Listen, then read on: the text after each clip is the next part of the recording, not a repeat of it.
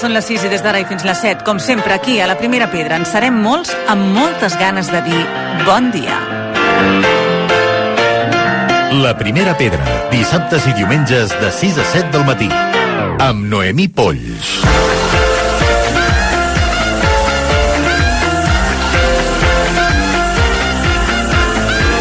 Va a cambiar en los próximos años y va a cambiar de una manera radical. Continuar haciendo las cosas como las estamos haciendo actualmente simplemente no es una acción, no es algo que podemos escoger, no va a pasar. He segat 21 dies produir només aquella electricitat que, que consumim, no? Anem a produir dos vegades, tres vegades, quatre vegades, cinc vegades, sis vegades. 21 dies L'energia renovable es va inventar per produir-la i consumir-la en el mateix lloc on es va sumar-nos a l'èxode de gent que fuig de les ciutats, però no ho he fet, no? A mi al final tant me fa que hi hagi una placa com un ametller. ho he trobat sobrat Això que sentim ara és un fragment de l'obra de teatre Solar. I és que avui volem proposar-vos una experiència teatral. I dic experiència perquè parlem de teatre documental a una sala petita, molt íntima, i al cor del Gòtic, a Barcelona, al Teatre Maldà, al costat dels cinemes. A Sant Martí de Tous, un petit poble de 1.000 habitants, hi ha un projecte per construir 168 hectàrees de plaques fotovoltaiques en sol agrari. Centrals elèctriques de magnituds enormes canviaran per sempre la vida del poble, miralls negres cablejats substitueixen espigues de blat. L'Alba Valldaura, la Martina Treserra i l'Ireneu Traeix eh, són els actors i avui tenim amb nosaltres, ens acompanyen la Martina i l'Ireneu. Benvinguts a tots dos. Molt bon dia. Hola, molt bon dia. Contents de tenir-vos aquí, escolta, amb tota una experiència. I ho he dit així perquè, perquè de fet, definiu com eh, teatre documental, també hi ha qui el diu espectacle litúrgia. C -c Com ho diríeu vosaltres? és, és complicat. difícil, perquè nosaltres, eh, clar, diem teatre polític, però sí que és veritat que eh, fem servir molt tècniques documentals i, i també tractem el públic com a part integrant de, de, de l'acte en el que participem, no? Eh, algun cop també hem dit que és mm, teatre immersiu, però a vegades la gent es confon amb, amb com, com eh, algun espectacle on el públic ha de fer alguna cosa, ha de, li, li, el toca, no, no, no, no és així, simplement eh, el públic és espectador, però no obviem la seva, present, la, la seva presència i, a més a més, eh, o sigui, forma part la, el públic de, de la dramatúrgia, de l'acte en el que estem tots junts, diguéssim. He de dir que hi vaig anar i que em va encantar, vaig quedar impressionada per Gràcies. l'espectacle, principalment perquè hi anava mm, sense saber-ne massa cosa i, i m'hi vaig trobar molt a gust. Però a més, a més a més és un, un espectacle que et fa pensar. De fet, parleu d'aquest fenomen que passa en un municipi que segurament molta gent ha vist un paral·lelisme. Expliquem una mica què és el que heu volgut transmetre a través del vostre espectacle, per qui no ho hagi vist, que se situï una mica. A veure, Bé, d'alguna manera partim de Sant Martí de Tous, on, on, on passa aquesta, aquest fet, no? que volen posar aquesta central energètica a partir de plaques solars, que en, en un primer moment pot semblar, no pot semblar cap drama, no? dius, ostres, està bé, s'ha de fer la transició energètica, no? però d'alguna manera, com també es tracta així perquè els espectadors ens entenguin si ho han vist, no? el Carràs o Asbestes, que parteixen d'aquest cas eh, familiar per, per parlar d'aquest conflicte. Per tant, parlem de- d'això, de, de com s'està implementant la transició energètica aquí a Catalunya i a Espanya i d'alguna manera la qüestionem i, i posem sobre la taula si realment eh, s'està fent bé i si s'està... No? I quina relació també tenim amb l'energia, perquè realment a mi m'ha fet qüestionar molt no? D'on ve tota l'energia i, i si podem seguir consumint eh, l'energia que, estem, que hem estat utilitzant fins ara. D'alguna forma, eh, tot el que passa a l'espectacle és real, són, Mm, són sí, això- testimonis reals, nosaltres els reproduïm en escena i l'únic que no reproduïm, sinó que és eh, real de veritat, és la Martina, que ella és testimoni directe. I d'alguna forma agafem eh, l'anècdota, entre cometes, de, del que està passant a Sant Martí de Tous, un poble petit que li posen eh, centenars d'hectàrees de plaques solars, i mm, agafem aquesta anècdota, aquest conflicte que passa en aquest poble, per mica en mica fer un zoom cap en fora i entendre eh, què està passant amb l'energia al planeta, diguéssim. O sigui, eh, la crisi energètica en la que estem posats i que d'alguna forma ningú en parla, només en parla de, de la superfície, no? I, i anem a analitzar-ho a fons. Sí, i una cosa que, que, que era una mica l'objectiu, eh, que se sabés tot això, no? perquè ens trobem que el Mm. públic ve i diu, ostres, no en tenia ni idea que estan- que s'està fent això, no? I, i Sí, crec que fet- és, és superimportant, perquè eh, ens ha d'interpel·lar tots, d'alguna manera. Tots consumim energia, no? I, i d'alguna manera s'apunta que això eh, deixarà de ser així. No? I per tant s'han de, ens hem de plantejar que alternatives Què volem? A, a mi em va passar a, a l'inici de tot aquest projecte quan la Martina ens parlava de- d'aquesta problemàtica que, que, que hi havia a Sant Martí de Tous el primer que vaig pensar, jo vaig dir, "Mm, no hi ha problemàtica, és fantàstic. Vull dir, es- necessitem una transició energètica que posin plaques solars a uns camps que no, no hi fan res. Vull dir, fantàstic, mira el paisatge, oi, sí, fan malbé el paisatge, però és que necessitem anar cap a una altra energia. Però de cop i volta comences a gratar una mica, comences a llegir articles, comences a, veure què està passant realment i te n'adones que que hi ha molts clarobscurs i que potser el que està passant és que estem aplicant el mateix vell model caduc a una transició energètica eh, i, i, i s'està generant un altre cop una altra febre del totxo, però aquest cop és la febre de l'energia renovable, però que que sí. no està ben planejat, saps el que vull dir? Que... I tant, i tant. I, I a més a més ho sabeu reflectir molt bé a l'obra i per tant fan aquest sacseig necessari mm. quan vas a veure un espectacle que no sempre s'aconsegueix de que et remogui alguna cosa per dintre, eh? que te'n vagis pensant una mica en que potser allò que pensaves que estava tan bé, doncs no ho està tant. Sí, nosaltres, un, no, no donem cap solució, No, tampoc. No. Eh, eh, exposem unes preguntes, eh, creem un dispositiu escènic que, que genera una àgora on sentim unes veus, invoquem unes veus conjuntament eh, per entendre què està passant, però a part, per mi és molt important també eh, mm, remarcar per la gent que no ens conegui o que no ha vist un tipus d'espectacle així, que és, entenc que no és eh, molt habitual, eh, que a part de documental també és poesia. Vull dir, nosaltres no, no fem un documental només, sinó que, que fem una poesia documental. És un oxímoron o, o no sé ben bé què és, però, però és així, és el que fem. És que, de fet, quan dieu espectacle litúrgic, he de dir ara que tenim a la Martina aquí, que realment es converteix en un espectacle litúrgic perquè la seva veu és fantàstica i, acabes hipnòtic, gairebé participant d'aquell cant que de sobte te'l sents teu, com si l'haguessis sentit tota la vida, i jo crec que no forma part del meu passat eh, musical. I, en canvi, eh, saps arribar amb aquesta peça musical i amb aquesta frase que també la dieu, que, què cantaran els treballadors del camp quan el camp sigui una central energètica?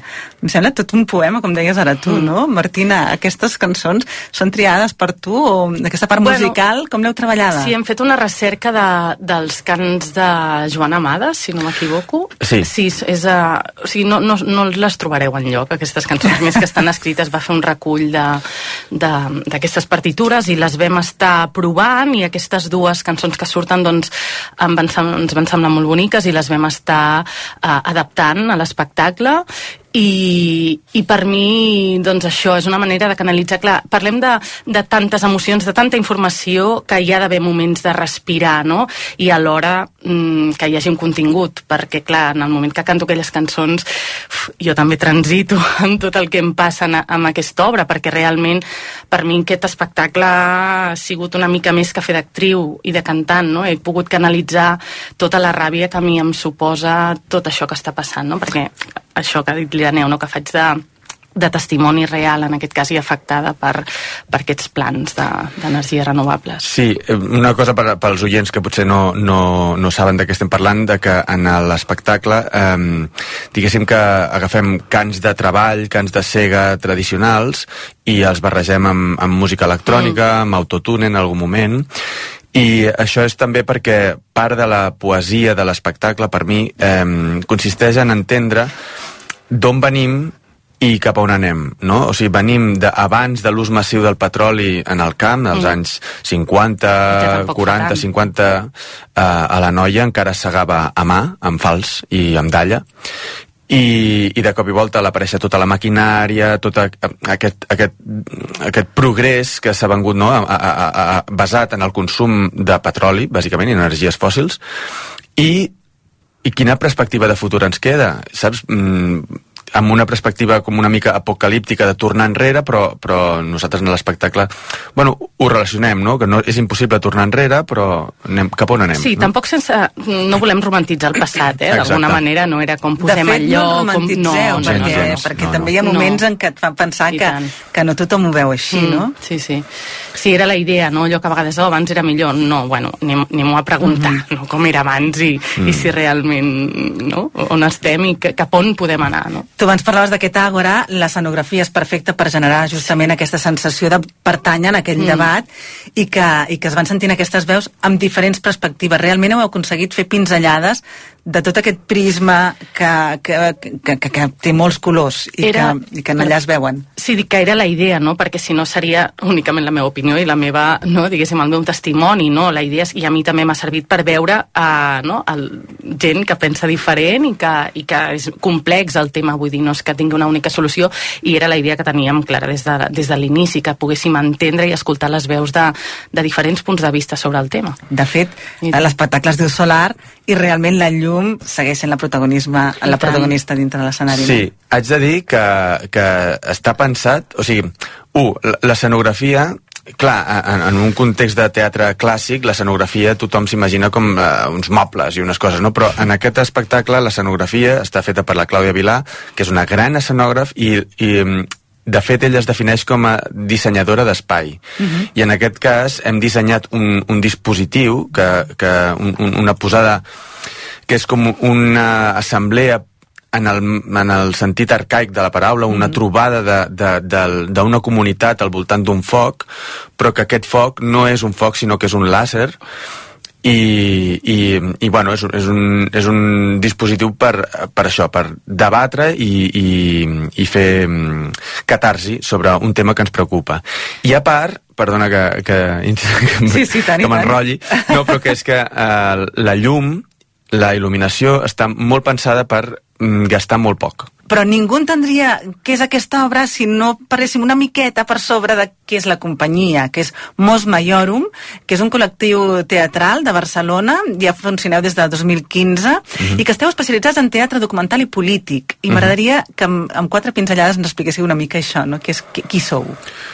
Bé, doncs Mos Maiorum és una companyia això que va néixer el 2015 um, hem fet diversos espectacles hem guanyat alguns premis ara només tenim Solar en gira i la resta d'espectacles es poden consultar, es poden veure a la nostra pàgina web que és mosmaiorum.info i allà hi ha tots els, els espectacles anteriors uh, han obert a, a internet Per tant, voleu fer aquest tipus de eh, teatre una mica que faci pensar una mica militant, diríem. Sí, sí, sí, sí. Tant l'Alba com jo, que som la- l'Alba és la, la, la companya, la sòcia de la companyia, tenim un passat militant i també fem teatre a nivell professional i aleshores Mos Maiorum és el nostre canal per, per vehicular aquestes inquietuds, tant l'artística com la política, i generar això, eh, aquests, aquests, aquestes temàtiques que ens preocupen, portar-les en escena per, per realment generar debat i reflexió. Un debat que el genereu, com dèiem, aquest espectacle que ens ha agradat tant, Solar, que podeu veure en el Teatre Maldà, aquest teatre petitó, que estareu d'acord amb mi que és un teatre petitó, us sentiu Sí. còmodes per amb ell, no? Justament, Sí, està, aquest... és molt còmode aquest teatre, a més l'equip de Pirates Teatre són encantadors i, i es nota que són companyia i que fa molts anys que treballen també en aquest sector i estem, la veritat, super a gust. en Encantadíssims allà, sí. Doncs- És petit, acollidor i, i queda molt veritat. No, no, sí, sí, et fa sentir molt, molt com a casa. Eh, teniu fins al 17 de desembre, per tant, afanyeu-vos, perquè crec que és un espectacle que val la pena no deixar escapar. Al Teatre Maldà, com dèiem. Moltíssimes gràcies a tots dos, a la Martina i a l'Ireneu, per haver estat aquí acompanyant-nos. A tu, A moltes tu, moltíssimes gràcies. gràcies. La primera pedra, dissabtes i diumenges de 6 a 7 del matí. Amb Noemí Polls.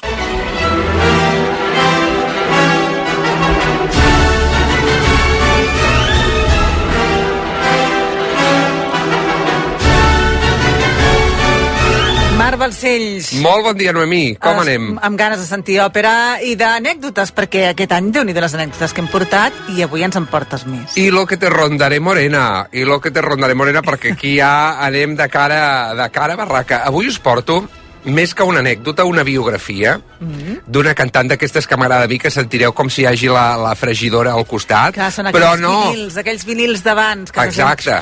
No és que el Marc, el nostre tècnic, ho hagi gravat amb la fregidora al No. costat, és que són vinils de l'any de la Kika, Són perquè avui parlarem d'una gran, gran, grandíssima cantant que va triomfar en els escenaris americans i que va ser una gran diva a la primera meitat del 20.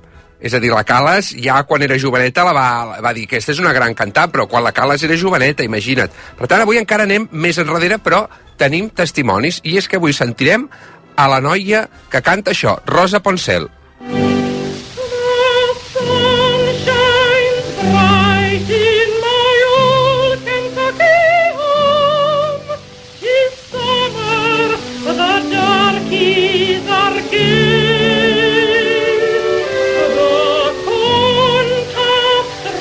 Quina por. Jo a mi aquestes gravacions em fan molta por. Tu a mi ara se'n va d'aquí la llum. I sona això i jo taco calçotet. S'ha acabat. És, així fa molta por. Però bueno, us explico per què.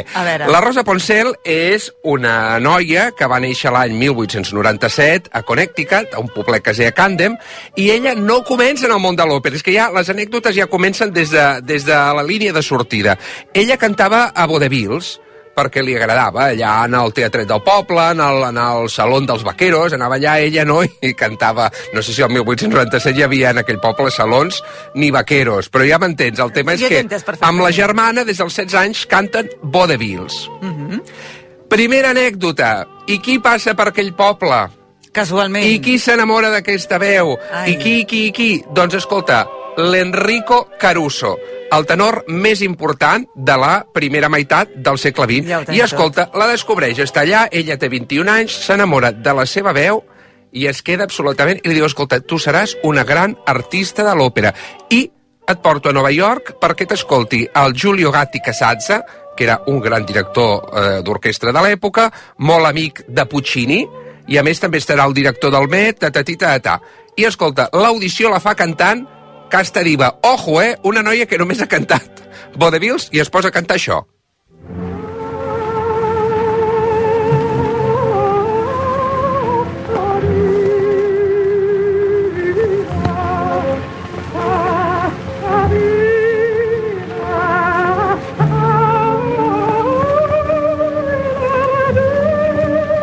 Tan acostumats a sentir a, a la Calas cantant això que se'ns fa fins i tot estrany, però és que a més a més està molt, molt, de, de fa molt temps, eh? I tant. La frigideta està molt ben Però fet. és que abans de la Calas, eh, clar, Sí, sí, havia clar. vida Home, antes de Maria Calas. Sí, sí. I escolta, ara que tu sents això tan tranquil·lament i que ella està cantant ta ta ta ta pam, cau desmaiada. No pot ni acabar l'audició. Perquè, bueno, clar, els nervis la sobreposen. Però, diuen, escolta, amb el que hem sentit ja n'hi ha prou i, ojo, ni més ni menys li proposen cantar la Leonora de la Forza del Destino de Verdi, que és la que vam parlar a la primera anècdota, la que el pobre Leonard Warren es va quedar pajarito a, a, al tercer acte quan l'estava cantant. Bueno, escolta, la pobra Rosa Poncel diu, bueno, doncs sí, ho farem perquè, escolta, de, pues de l'òpera Vodevil, de, de lunes a martes, Home, poco te apartes. I a més havia ser que pujava una mica, no?, de categoria, home, evidentment. i tant, ja t'ho dic ara. I escolta, que consti que a mi el vodevil i la revista i tot em xifla, ja ho he dit, que brilli, brilli i cabaret. Però saps quantes òperes havia vist a la seva vida quan decideix dir que sí al senzillet paper de la Leonora a la Força del Destino? No. N'havia vist dues. Bueno, la cosa és que comença el duo, um, perquè eh, el primer acte és allò que estan els dos enamorats abans que passi tota la desgràcia, no?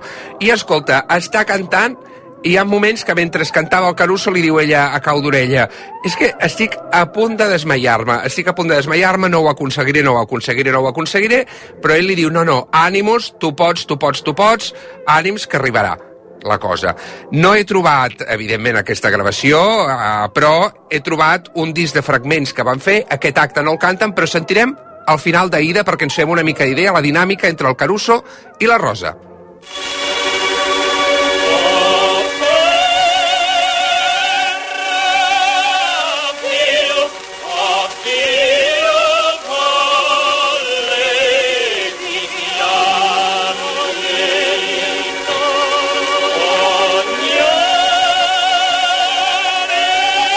fet una mica de Frankenstein perquè hem fotut a Ida el primer acte de la Força del Destino, però perquè us feu una idea de com empastaven les veus, però el tema és que la gran ària de la Leonora arriba al quart acte, ella ja de moment no s'ha desmaiat, i escolta, canta això, el teatre s'ensorra i una estrella ha nascut.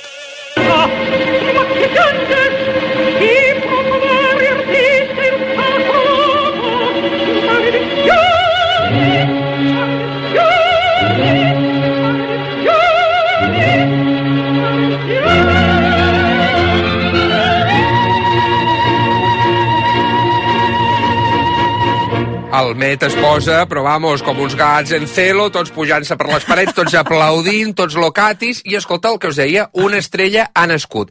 Però us explico una mica coses d'aquesta noia. Per començar, com que només ha cantat en dues òperes, té un terror escènic brutal. Què és el que fa ella? Mira, abans d'una funció camina, es posa a caminar per Nova York, ara per la setena avinguda, amunt, avall, tatatita, tatà. I una cosa que fa, sobretot, que això li va portar problemes legals als companys, és que quan arriba als camerinos té atacs de, de, de gòbio i comença a obrir totes les finestres. Clar, això a l'agost, doncs encara bé, però a l'hivern, amb el fred de Nova, Nova York, York. i escolla, clar, eh, què passava? Que els altres deien, escolta, xata, Les que hem de sortir a cantar també. Oh, clar. Bueno, van acabar amenaçant-la amb anar als tribunals si no deixava de fer la tonteria aquesta. Un altre tema que té, s'enganxa amb una que era la gran diva del uh, Metropolitan, que era la soprano txeca Maria Yeritza. Parlarem algun dia d'ella perquè aquesta tenia un caràcter que potser ha donat la fama que ha donat a les pobres divas, que a veure que això al final és només ser humà, eh? No és que les divas tinguin, No, clar. o els divos tinguin més... Al final, aquí, aquestes dues es van enganxar per un tema de gelosia i, escolta, la Rosa entra al camerino i li va agafar tal atac de ràbia que li va començar a tirar les calces, Què els dius? pantis, tot, tot de fora al camerino per la porta perquè tothom veiés les calces que portava. Clar. No, no, vull dir, coses d'aquestes. Temperamentals totes dues, Tal eh? però la. Rosa també. No, no, i tant, i tant, fins al punt de que es convertirà en una gran soprano dramàtica, que ja va una mica amb la paga, i, escolta, acabarà cantant fragments com aquests de la Joconda. Escolteu. Les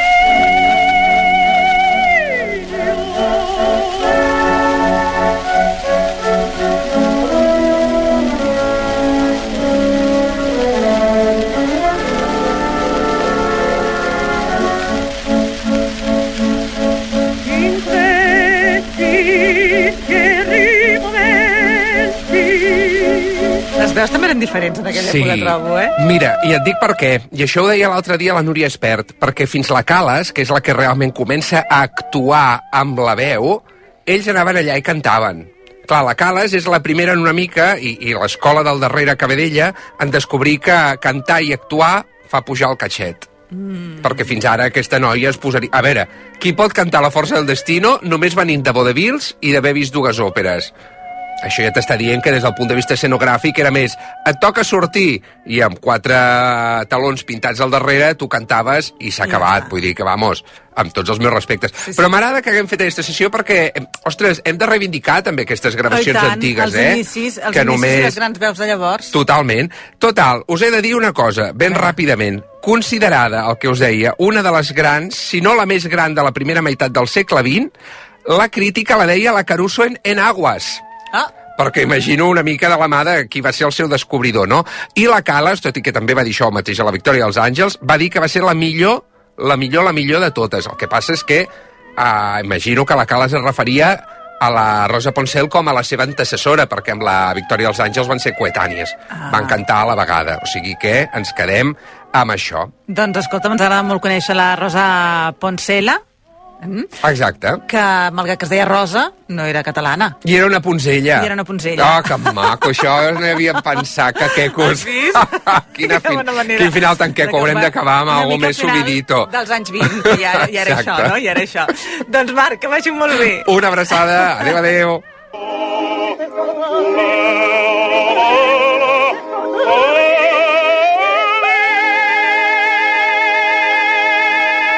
Moment ara per saludar en Jordi Margarit. Jordi, molt bon dia. Bon dia, Noé. Un 3 de desembre de 1965 neix a Barcelona Miquel Illescas i Còrdoba, el jugador d'escacs català més important de tots els temps.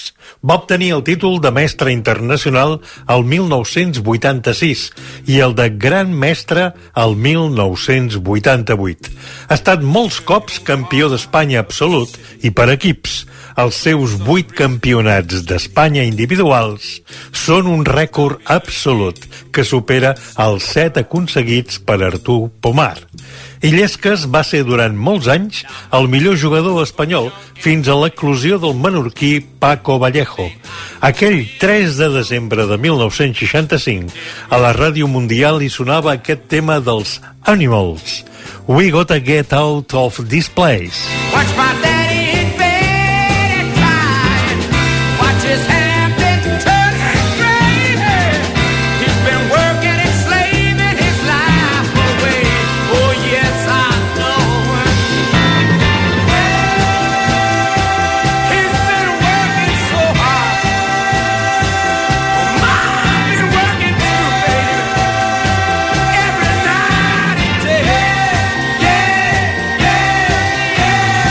Hem de sortir d'aquest lloc, deien en el vídeo que la promocionava, i, i podíem veure imatges dels horrors de la guerra de Vietnam. A la ràdio d'aquí, aquell 1965, hi sentíem els dracs traduint una cançó al català precisament de Animals, la casa del sol naixent. a Nova Orleans se'n diu el sol naixent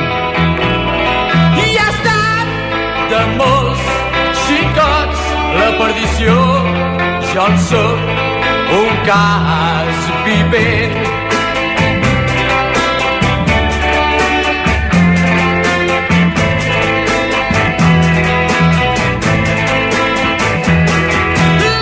probablement un dels temes més coneguts d'Alan Price. El 1965, la ràdio donava l'oportunitat a Joan Capri de presentar una mena de diari parlat en català al programa de Salvador Escamilla i a Ràdio Barcelona, Capri Express. A Ràdio Girona, aleshores dita Gerona, presentaven el programa Rutes d'Espanya que en la seva tercera edició presentava la conca del riu Ebre. El programa era en castellà, clar, tot i que es notava, i molt, l'accent gironí que no podien o volien dissimular els seus locutors.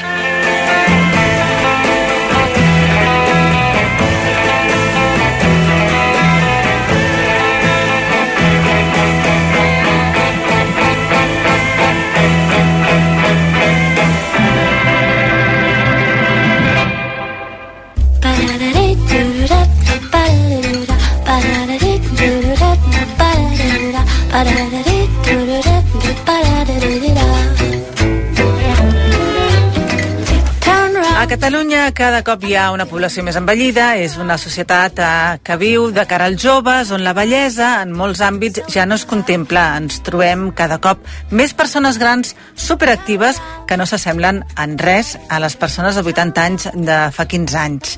Per tant, fer-se gran sovint, moltes vegades, es converteix en un tabú. De tot això en volem parlar avui amb la Marta Torra, que ella és psicòloga, cofundadora de la Fundació Sentim. Marta, molt bon dia i Molt bon benvinguda. dia. Molt bon dia. Uh, contents de retrobar-te altra vegada, novament avui per parlar de, de la gent gran, que com dèiem ara, ja no és el que era, però malgrat tot ens costa entendre i assimilar la bellesa, no? La bellesa amb B baixa. Mira, te'n recordes? Tu no sé si tens la imatge d'alguna persona, de la, de la teva àvia, per exemple.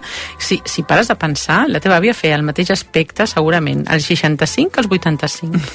val? Perquè ja es començaven a vestir d'una manera, es tallaven els cabells, es posaven una bata per estar per casa, saps? i eren continuen estant, sent igual amb, amb 20 anys, no? a part de les arrugues i, de, i de, dels canvis físics mm, que, que pertanyen. Però avui en dia trobar-te una persona de 60 anys o de 65 anys és que a vegades semblen que en tinguin 40 i, i, i amb persones de 70 doncs que aquest aspecte físic ha canviat molt, també ha canviat molt l'educació, ha canviat molt la cultura i eh, la bellesa hauria de ser una etapa molt plena, no? és una etapa molt plena, una etapa de, de, de poder-la gaudir, però la societat ens, ens impedeix una mica a vegades eh, portar-la a terme de, de manera satisfactòria perquè ens encora a la joventut, no? I llavors aquí està com la confrontació de, de les emocions que tenim de, de fer-nos grans, no? que a vegades són més negatives que, que positives. I tu parles de canvis, mm, canvis psicològics de tres tipus. Quins són aquests canvis? Mira, són els, els canvis són els canvis afectius, els, la, de l'autoestima, la nostra autoestima es, es veu tocada perquè ja no som els que érem abans, no? la nostra sexualitat, la nostra, la, les nostres relacions sexoafectives canvien, els canvis cognitius, eh, que, que, que pensem que anem perdent, anem perdent, anem perdent, i sí, hi ha coses que es- les anem perdent, anem perdent memòria, anem perdent fluidesa, anem perdent eh, atenció, però també hi ha una cosa que ens fa eh, millors que, els, que els joves, que és la nostra intel·ligència cristal·litzada, no? que és aquesta intel·ligència que, ens, que, que ve de l'experiència, de, la, de lo viscut. Allò, allò de lo viscut, doncs, en aquesta doncs, tenim molta més expertesa i molta més intel·ligència que una persona jove que no ha viscut tants anys, i això ho hauríem d'aprofitar. Després també se'ns modifica la personalitat, ens tornem més rígids, més introvertits, més desconfiats, eh, perquè el nostre autoconcepte també canvia, no?, a vegades, i també hi ha canvis emocionals que són doncs, de les, bueno, doncs, les canvis emocionals propis de l'etapa de la vida i canvis socials, no? la, de la jubilació, l'ocupació del temps i també, molt important, el canvi de rol. Ara passem a ser avis, passem a ser a vegades malalts, passem a vegades a ser cuidadors i tot això costa, costa a vegades d'assimilar. I de fet no sempre s'assimila igual, és a dir, no tothom reacciona de la mateixa manera davant d'aquests canvis. Què ho fa? Com, com, com es reacciona? Què és el que, el que fem normalment? dependrà molt de com tu arribis en, aquest, en aquesta edat, no? de, de, dels teus aspectes físic, de, de, la teu, de la teva economia, de les teves relacions socials, de si tens una bona xarxa que, eh, social que, que, que, te, que et recolza, però sobretot, sobretot, sobretot, dependrà de la teva actitud. Val? L'actitud és fonamental. L'actitud és... Per encaixar és- bé la bellesa, perquè ja partim de la idea de que encaixar bé la bellesa es pot. Sí, i tant, i tant que es Només pot. faltaria, no? Sí, sí, però clar, per, per fer-ho, no? el que hauríem de fer és treballar uns quants aspectes que ara, doncs, eh, jo que vaig a donar xerrades, igual conferències sobre el, que- precisament aquest tema, no? en les aules d'extensió universitària, de les emocions de fer-nos grans, sempre es queden parats, no? perquè diuen, no, es pot treballar tot això, i tant que es pot treballar. I hauríem de treballar-ho emocionalment, no? i en primer lloc el que hauríem de, de tenir clar és que hem de cuidar moltíssim la curiositat. Val? Una cosa que sobta molt, que la curiositat eh, té molts beneficis perquè a nivell, a nivell cognitiu i afectiu, perquè ens augmenta el coneixement, eh, tot això ens millora la memòria, ens millora l'atenció i ens fa ser més flexibles i efectivament en, en les, en, ens obre altres noves experiències, és una font de plaer, ens augmenta l'autoestima, ens motiva i, i ens motiva a seguir endavant i a fer, a estar més oberts a, a altres opcions i no mirar només el, el que passarà l'endemà, no? Després també aplicar la nostra saviesa, aquesta saviesa que parlàvem abans, doncs intentar aplicar-la en tot allò que jo pugui, equilibrar uh, una mica el meu món amb els dels altres i estar atent al que em diuen, però sempre donant jo la meva última paraula, perquè a vegades tenim tendència als, a, a, quan fer-nos grans de cuida molt del que diuen els nostres fills, no? que cada vegada, ja no, perquè cada vegada hi ha més cultura, cada vegada tenim més estudis, no? la gent que ens estem fent grans, doncs, i, i abans no, abans era al revés, no? t'havies de fiar d'algú que en sapigués més, no? però ara ja, ja tots tenim la nostra opinió i hem de respectar-la, escoltar la dels altres, però també escoltar-nos a nosaltres mateixos què volem, no? Després també el coratge, el coratge és superimportant, o sigui, no conformar-nos, perdonar, perdonar, per, per, per tenir aquest coratge hauríem de, de perdonar, perdonar als altres, agrair, fixar-nos en les coses petites de cada dia, perdó, i sobretot, doncs, em, a vegades donar-nos un caprici setmanal per, per dir, bueno, no passa res, és que jo ja em porto bé, doncs vinga, va, em dono un caprici que no passa res, perquè això ens fa mirar al futur amb una perspectiva molt, molt més bona. Uh -huh. I què ens aconselles treballar més per sentir-nos bé en aquesta etapa? L'empatia. L'empatia, empatitzar, eh? empatitzar molt. Empatitzar. La soledat. Hem d'aprendre a estar sols, Clar. que és molt complicat, això. I és, probablement sigui un dels principals problemes, la soledat en la gent gran. Sí, és un dels principals problemes perquè és una soledat no volguda. Però, clar, la soledat es pot treballar. És a dir, hem de mirar, hem d'aprendre a viure sols, però també hem d'aprendre que quan estem sols podem sociabilitzar i buscar fórmules que ens permetin fer-ho. que gràcies a Déu en la societat en tenim moltes.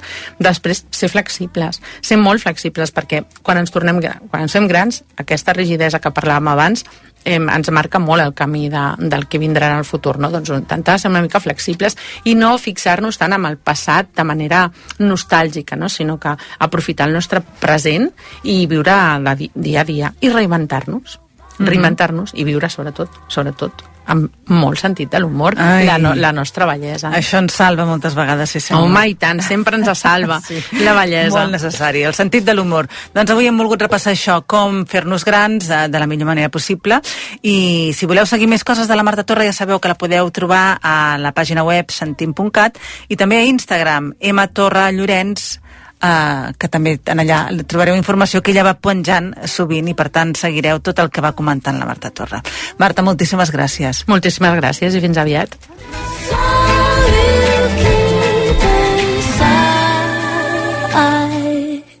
Hola a tothom! A l'àmbit econòmic, una cosa que dona rendiment o profit és... rentable. Mec! Per expressar que una acció o uns diners donen bon rendiment econòmic o profit, hem d'utilitzar l'adjectiu rendible. En català, l'adjectiu rentable només vol dir que es pot rentar. No ho rendiu, potser un truc per recordar és mencionar aquesta frase en veu alta. Els diners no són rentables perquè no renten ni a mà ni a màquina. La tiktoker manresana de 23 anys, Xalana Rodríguez, presenta a la 2 de Televisió Espanyola el programa déu nhi on ensenya català d'una forma divertida i molt didàctica. Bon dia, Xalana. Bon dia, Noemi. D'entrada ja t'he de dir que amb el teu nom eh, senyals de català en dones, eh? Ja, a primera vista Xalana poder no. Rodríguez. Exacte. Però tu ets de Manresa uh. -huh. i, i des d'allà ja vas començar a fer primer TikTok. És primer TikTok que el programa. Sí, sí, efectivament. I com és que et va venir de gust parlar del català, que de fet, afortunadament cada vegada som més els que Mhm. ompliu de contingut la xarxa, però, però que no tenia per què ser la manera més fàcil d'arribar molt, molt, molt de públic. Doncs jo primer em vaig descarregar l'apli- l'aplicació pel confinament, com molta gent, i vaig penjar vídeos amb les meves amigues, eh, trens d'aquests que es feien, balls, més que res, no parlava, eren com més els àudios, i algun dia vaig dir, va, vaig a penjar aquest vídeo amb ma germana, que crec que va ser com un dels primers que va com començar a despuntar, que només dèiem, um, anem a veure quan triga ma germana en fer el cub de Rubik. Això és el que deia, llavors era mm, l'estona fent el, el cub ma germana. Durava gaire, ella? Era ràpida? No me'n recordo ara, però Se suposa podia que sí, no? estar un minut, saps? Home, déu-n'hi-do. I llavors dèiem, ah, doncs ho ha fet molt bé, ja està. I llavors ja aquí els comentaris ja deien, uah, que mm, parles molt bé el català, el parles millor que jo, però ves, a vegades ja m'ho diuen que tinc bastant accent, sent d'allà de Manresa o, i de, i de Clar, Catalunya Central. ac- sí, sí, teniu accent de la Catalunya Central. I, I a partir d'aquí vaig començar a fer altres vídeos, però molt tranquil·lament i quan em venia de gust i fent vídeos parlant sobre el català va ser com bastant més endavant perquè també a mi em va sortir de gust sense buscar cap, cap objectiu. I malgrat tot vas començar a tenir molts seguidors. Sí, Creus que això va arrossegar més seguidors dels que tenien el Bé, fet de que jo, català? tant, al principi inclús poder fer més contingut en castellà, perquè és el que tu veus més, llavors també ho intentes com t'inspires i, i a, a vegades et surt ja directament en castellà, perquè jo a casa també parlo tant català com castellà, per tant em sento còmoda amb les dues llengües, però a vegades jo tenia inquietud sobre el català perquè sempre m'ha interessat bastant. A, a l'institut, a la universitat també he fet les optatives de llengua catalana perquè he fet educació primària, llavors he escollit totes aquestes de contes, de lectura, de, de didàctica de la llengua. I, i eren dubtes que jo de vegades compartia amb, amb les meves companyes que elles poder no els interessaven i sempre pensaven ai, aquesta pesada que sempre ens està corregint o, o sabeu que això no sé què? I ho vaig compartir a xarxes i, i la gent va donar molt de feed, feedback um, molts comentaris, molta gent que um, deia, doncs jo ho dic així, jo ho dic així i, i a partir d'aquí doncs Vas començar a triomfar, a petar-ho, no?, com dieu, i, escolta'm, de sobte, programa de televisió espanyola. Sí, sí. Què tal? Com és que va sortir? Com, com va anar? Doncs em van enviar un correu i, bueno, un correu no, un missatge mm, des de l'Instagram i em vaig quedar com molt sorpresa i ja de seguida va ser com que m'havien escollit a mi um, a partir de veure'm al TikTok fent aquests vídeos de vosaltres, que dieu vaig o vaig, o què en penseu sobre el llenguatge inclusiu o no sé què. I, i va ser molt, molt fàcil, la veritat. I jo crec que, per exemple, um, el meu físic també ha ajudat a aquesta decisió perquè crida l'atenció que una persona que no, com el que tu has dit al principi, que no, no sembla d'aquí... Exacte, no dona ho dic entre cometes que no ens Jo ho deia veient. pel nom, en aquest cas, que era la Xalana també. Rodríguez, però és, també- És un nom, el meu nom és xinès, és el que tenia quan em van adoptar i el que els meus pares van decidir deixar-me, Mhm. i jo contentíssima. I, i a partir d'aquí, doncs, ah, també suposo que pel meu català i per com que també m'interessava, doncs va... Tot va, va encaixar. tot va quallar. Exacte. I en aquí tenim presentant què és el que més t'agrada de tot el programa, què és el que creus que Mm. s'aconsegueix amb aquest programa, què el fa diferent? Doncs això, que és un programa que ja està adaptat a les xarxes, és a dir, l'emeten també a la televisió, però mm, contínuament a l'Instagram van penjant clips, al TikTok també, i vulguis o no, alguna, poder algun no el veu gaire gent, però algun acaba fent-se viral i llavors a partir d'aquí doncs, coneixen el programa i es poden anar enganxant. I, i això ja, el programa és que ja estava pensat fet per, pel dia per la d'avui, gent jove, a més a més, també, no? Perquè És- eren seccions molt curtes de 30 segons, poder màxim les entrevistes al carrer, que també són molt dinàmiques i són molt divertides, que dura màxim un minut i mig, llavors això fa que, que la gent que està tot el dia enganxada al mòbil, que m'incloc, uh, Si acabin enganxant encara més, no? Sí, I que els hi ha els atregui. típics vídeos que jo també me'ls veig, preguntant en castellà i gent al carrer i tot que enganxen, doncs ara ho hem fet en català i d'una forma més didàctica. Escolta'm, tu que tens 23 anys, Mhm. que ets jove, que ja et mous amb aquest llenguatge, creus que el català el veus en perill, de veritat? O, o creus que ara els joves potser hi ha una escletxa d'esperança i que jo crec potser que sí que s'enganxen? hi ha una escletxa d'esperança. En el meu cas, en el meu entorn, com jo sóc de Manresa, a vegades jo aquestes coses no les noto tant perquè allà sí que es parla més català i jo gairebé tot el meu cercle parlo en català, però sí que és cert que si poder baixes cap a l'àrea metropolitana i, i aquest sector sí que es perd una mica més, però amb tot això de les xarxes i, i que hi ha molts creadors de contingut tant bastant famosos que ja són referents com gent que mm, no les coneix ningú per, mm, per dir-ho Mhm. d'alguna manera, Que però també, que també s'atreveixen i, i a mi em poden agradar igual o més que, que gent amb molts seguidors.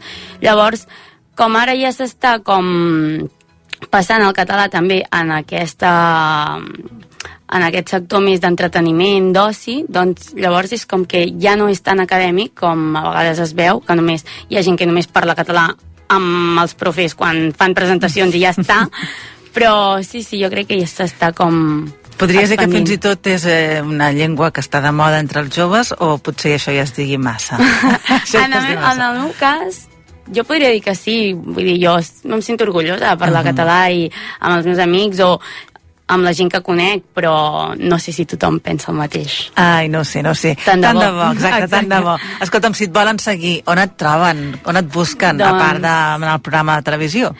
Al TikTok i a l'Instagram, bàsicament. Què hem de posar? Xalana? Sí, el meu nom, que s'escriu S-H-A-L-A-N-A, i dues zetes en el cas d'Instagram i tres en el del TikTok, crec. Ahà.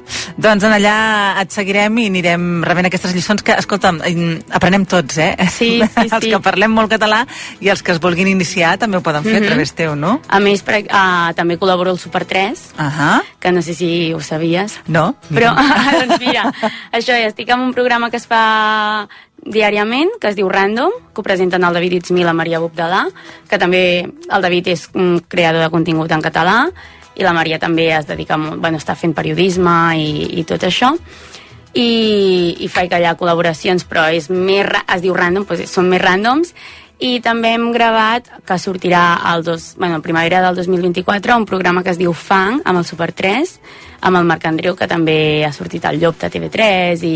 Ah, per tant, et seguirem veient sí, durant el i és un 2024. programa que, que junta dues escoles, és un concurs escolar, i combina proves de l'estil de l'humor amarillo sí? amb coses sobre el català, tant cançons, una mica més desenfadat, com preguntes de curiositats i, tipus, jocs tipus paraulògic, o sigui que està molt bé, jo I crec que tant. enganxarà molt. Doncs segur que sí. Escolta'm, Sí, sí. seguirem la pista que deus amb aquest nom, la Xalana Mhm. Rodríguez, perquè gràcies a ella anirem millorant una mica més tots el Sí, català. espero. Que jo soc la que sí. primera, eh? Després que faig algun error, però... no? Saps què però passa? Que amb el català tots, tots som molt exigents, Ja. oi? I a vegades som més Sí, permissius amb altres llengües, però, però està molt bé que, que ens en ensenyis una sí, miqueta. una mica de difusió i de promoció Sí, ja, senyor.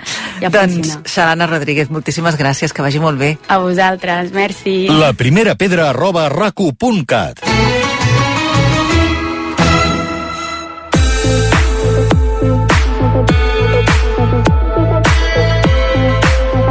Montse Interiors t'ofereix Cases amb ànima. Doncs sí senyor, volem cuidar l'ànima de casa nostra, ho fem amb la Queta Champagne, que està a l'Immobiliària Kelly. Que té molt bon dia. Hola, molt bon dia. I avui, si vam posar ordre als llibres, volem posar ordre a les joguines, també, Exacte. eh, i trobo que és molt bon moment. Com Segur que molts pares i moltes mares Estan ja de- pensant que sí, l'ànima de, les, de casa nostra trontolla quan arriben aquestes festes. És que de fet se l'han apoderat elles, les joguines. Home, no pot home, ser, no, pot ser. No, no, què, no pot què hem ser. de fer? Com bueno, posem ordre? Veu, veu, veurem a veure com podem aprendre a conviure amb aquest caos, mirar de posar-hi remei i també doncs, hem, hem demanat consell a una persona que en sap molt, moltíssim de, de, del sector joguines. Val? Uh Mhm. -huh. Els nostres fills i, els nostre, i les nostres filles s'han portat superbé, o sigui que estem segurs que d'aquí molt poquet començaran a entrar un munt de joguines de la mà de ses majestats els Reis i el Pare Noel. I com dèiem, com que no volem que això et faci trontollar a les ànimes de les nostres llars, hem parlat amb el Joan Ferrer, que ha estat molts anys conseller delegat de 17, que és una marca de joguines fundada a Barcelona als anys 40 i que ara és una multinacional de referència al sector. I el Joan, que com et deia, porta gairebé 40 anys en el sector de les joguines i és una persona que hi entén moltíssim, jo li he demanat consell perquè ens ajudés doncs, a, a posar ordre en aquestes joguines i que ens digui algun mètode per aconseguir doncs, mantenir l'interès de les criatures més enllà del dia d'obrir paquets, no? que a vegades tenen aquesta com borratxera d'obrir paquets i vinga, un altre, un altre, un altre, i després aquelles joguines mai més ningú hi torna a fer cas. No? I ell em deia que això és molt normal per diversos factors, perquè resulta que ens explicava que, clar, jo pensava més en consells tipus, doncs, amagar-les en un armari, ves-les Mhm. eh, donant progressivament, no? Més així. Però ell em deia, és que aquí hi ha un error de base, no? Que és, forma part de, de com funciona el sector al nostre país. I és que el 60% de les joguines que es venen al nostre país coincideixen amb la campanya de Nadal. Val? O sigui que no tenim com eh, l'hàbit d'anar mm, renovant joguines, refrescant eh, joguines d'una manera més orgànica i més progressiva, sinó que brrr, tot passa, inclús em deia que el 20% de les vendes són concentrades en una sola setmana, que és la de Nadal a, cap, a Reis. Val?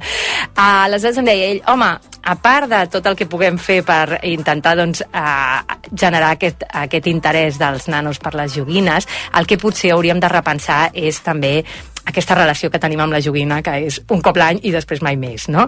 I ell em deia que no només això és una mica problemàtic pel sector, que al final això, doncs mira, a les nostres llars no ens afecta, no? Però ell em deia que el, a, a una joguina està pensada per acompanyar el desenvolupament d'una criatura en un moment concret, no? I sobretot en edats molt primerenques, de doncs, dos, tres, quatre anys, eh, les criatures evolucionen d'una manera fulgurant, és rapidíssim, no? I el que en un moment és interessant, potser al cap de dos mesos ja no ho és gens, no? Jo, per exemple, tinc una filla de dos anys i ara que ha arribat per fi el fred, he hagut de renovar-li tot l'armari perquè de mida no, Ja no li no li va res, res, de res de l'any passat. Doncs també en el seu interès pel món això passa, no? Mm, Evoluciona ràpid, tan ràpid que una joguina que a l'estiu era molt atractiva per ella perquè era, no sé, un carretó que l'ajudava a mantenir l'equilibri, ara ja no té cap interès perquè ja hi ha dominadíssim l'equilibri, no?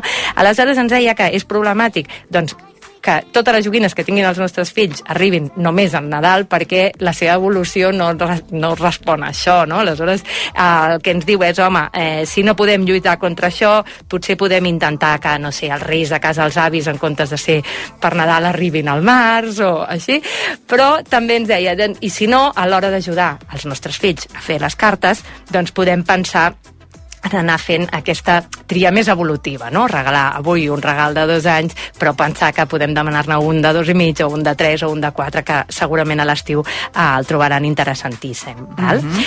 I a part d'això, d'aquesta mica d'això, de trencar la tendència aquesta de més concentració, eh, us porto també una altra proposta molt, molt xula que també ens ajudarà a tenir en ordre les habitacions i a més d'una manera molt divertida. Val? Eh, us, us parlo d'una marca catalana, d'una dissenyadora que es diu Lorena Canals i que té una proposta per nens que em sembla preciosa perquè ella parteix de les catifes, però són catifes que són també com mobiliari Joguines. i Ahà. joguines, val?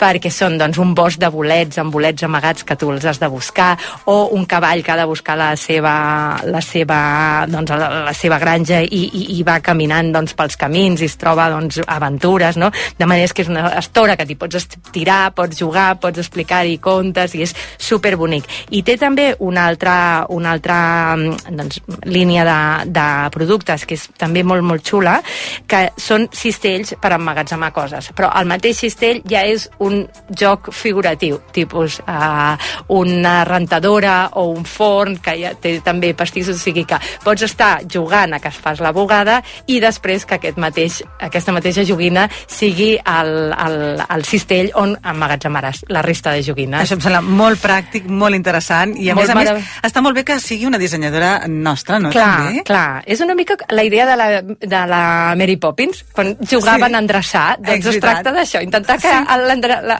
aquest moment d'endreçar sigui un joc també. A veure si ho aconseguim, perquè el Ai. repte és difícil, eh? És difícil, és difícil. doncs, Queta, com sempre, moltes gràcies. A vosaltres. La primera pedra. Dissabtes i diumenges amb Noemí Polls.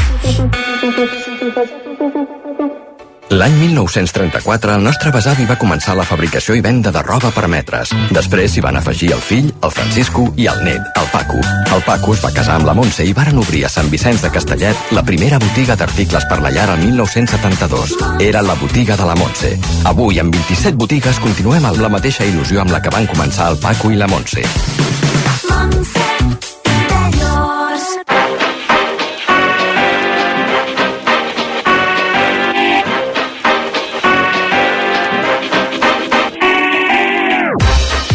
Doncs ahir parlàvem de cinema, avui de sèrie televisiva. Joan Maria Moros, bon dia. Bon dia. Uh, a veure, què? Què ens portes avui? Que... Una temporada, has dit. Una temporada de sis capítols, confirmada ja una segona, perquè van anar també, la primera, al seu país d'origen. En- Hauria de ser garantia, no sé si ho és. El però què? Que hi hagi segona temporada. Sí, tot i que a vegades n'hi ha que, Per que dius amb una és rodó, perfecte, i, i, I la segona potser no cal. Però aquesta, en principi, pinta, pinta bastant bé si mantenen um, si mantenen l'esperit i la història i la manera com han fet la, la primera. Uh, te recordes que hi ha una sèrie britànica de la qual en parlem molt i que sempre sabem que hi hagi noves temporades, que és Line of Duty? Doncs aquesta vindria a ser una història similar. És a dir, aquí el que entrem és en una comissaria de la policia de Belfast, a Irlanda del Nord, i el que veiem és el dia a dia, sobretot d'un grup de persones que entren a formar part de la policia i que estan, diguem-ne, que en un període de prova en aquesta comissaria. Es diu Blue Lights. Well, it's been a month. Two more months of probation left. How do you feel it's going? Do you know how I think it's going? Not very well. At least tried to act like police officers. I una de les coses que fan bé eh, aquesta gent és el tema de, dels accents, perquè aquí diguem que l'accent d'Irlanda del Nord no és el que eh, estem acostumats majoritàriament a escoltar.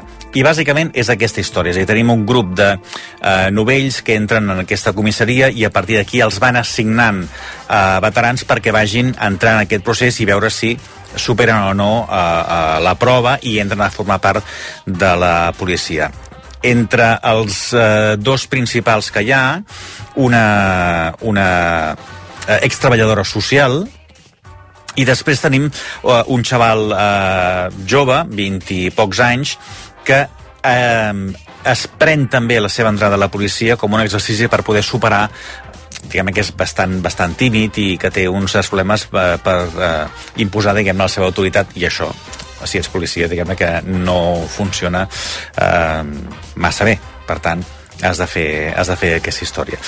Veiem com es va desenvolupant eh, la relació amb el veterà que tenen al seu costat, com els va introduint també en la història, com funciona, com deixa anar, i sobretot la, la relació al llarg dels sis capítols és l'entrada en uns barris extremadament perillosos de Belfast, fins i tot alguns que arriben a ser uns barris entre cometes prohibits, i... i a veure com acaba. A veure com acaba. No? Però, no sé, acaba, deu acabar molt obert, perquè si hi ha hagut Bueno, segona temporada... Bàsicament, la història està en què eh, el, la trama argumental d'aquesta primera temporada sí que queda tancada, Ah, vale. però sí que pots continuar amb la història, eh, sobretot de, dels que continuen perquè arribem al final de, del procés de prova, dels que continuen a la policia, i després també dels que no hi continuen, que també es pot veure com es desenvolupa la seva vida, que suposo que això ja era a l'entorn de, la, de la segona. Però pots obrir també un altre cas que vagi com a fil argumental dels, dels capítols que siguin, si és que en fan sis o en fan algun altre, però després anar veient també el seu dia a dia de la comissaria, que és com eh, complicat també, sobretot per la ciutat on estan, per la zona on estan, i, i anar veient com és Diguem-ne eh, el seu desenvolupament. Però està... està Blue lights. eh, Blue Lights, sí. Llum blava, que és el, el llum dels cotxes de la, de la De la policia. policia, això. evidentment. Però, eh, com la majoria de les sèries eh, britàniques, està molt bé el, el,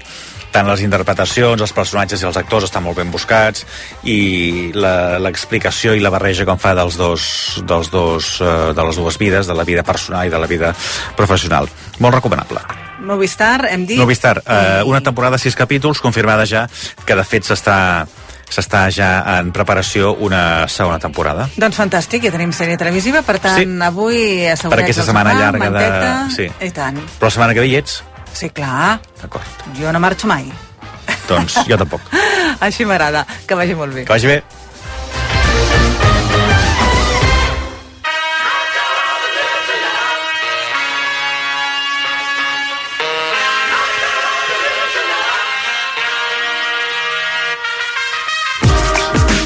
Va, moment per la música, Isabel Vinaixa. Bon dia, benvinguda. Escolta, ens han canviat les, es- les escumes aquestes, ah, sí? oi? Jo diria que són bé. noves, no? Amb la teva, la meva no. Esplèndida, d'un vermell racó. Escolta'm, Que m'ha doncs deixat mira. sense... Haig de posar ulleres de sol.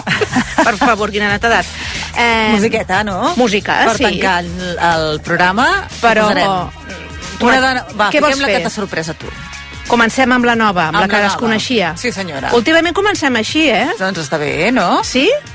Tu mateixa. Bueno, ja canviarem la setmana vinent, va. Vinga. Doncs fem play amb la nova. Endavant.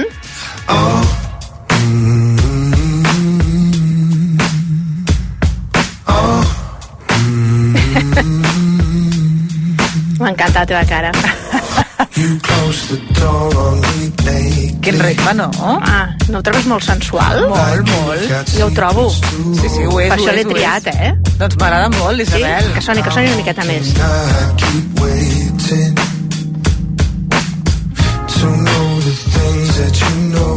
No pots aguantar més ja, eh? T'ho noto. Qui són, home? Vull Qui saber és? qui són. Qui, Qui- ah, és? és És un ell, noi, ell. és ell. Es diu Louis Baker, és cantant de soul, està lluny d'aquí, bastant lluny. Lluny no és lluny, no, molt lluny. No hi aniré mai, em sembla, amb la meva vida, de lo lluny No? que està. Caram.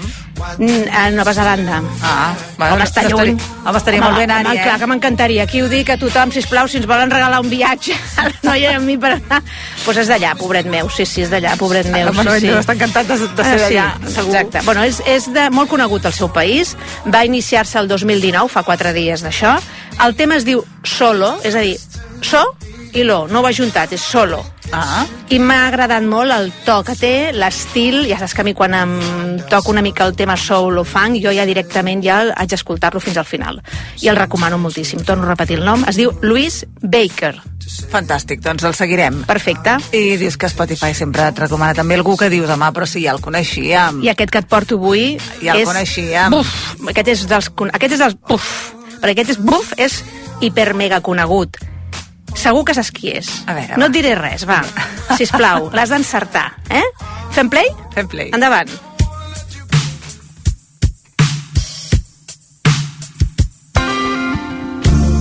In my secret life.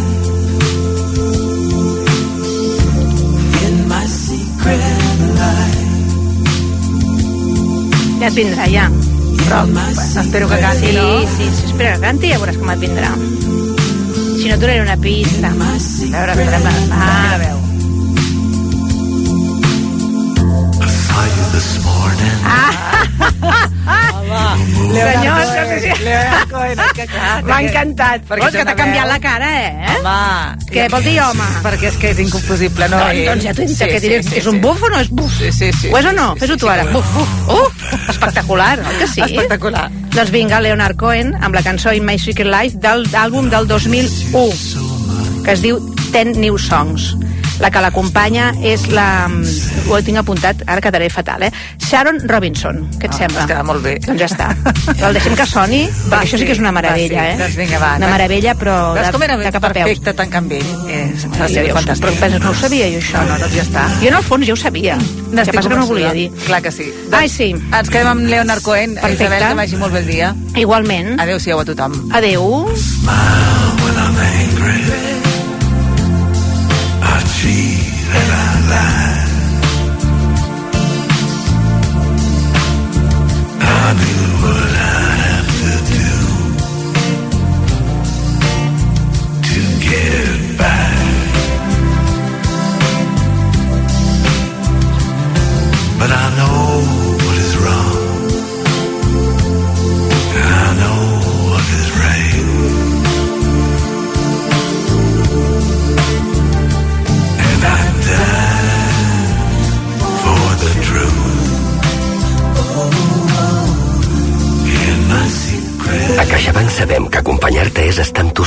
Necessitis. I com que volem que protegeixis el més important, et mantenim el preu de les assegurances de salut i de vida i de l'alarma Securitas Direct sense pujades durant 3 anys. Informa't en la teva oficina o a caixabank.cat.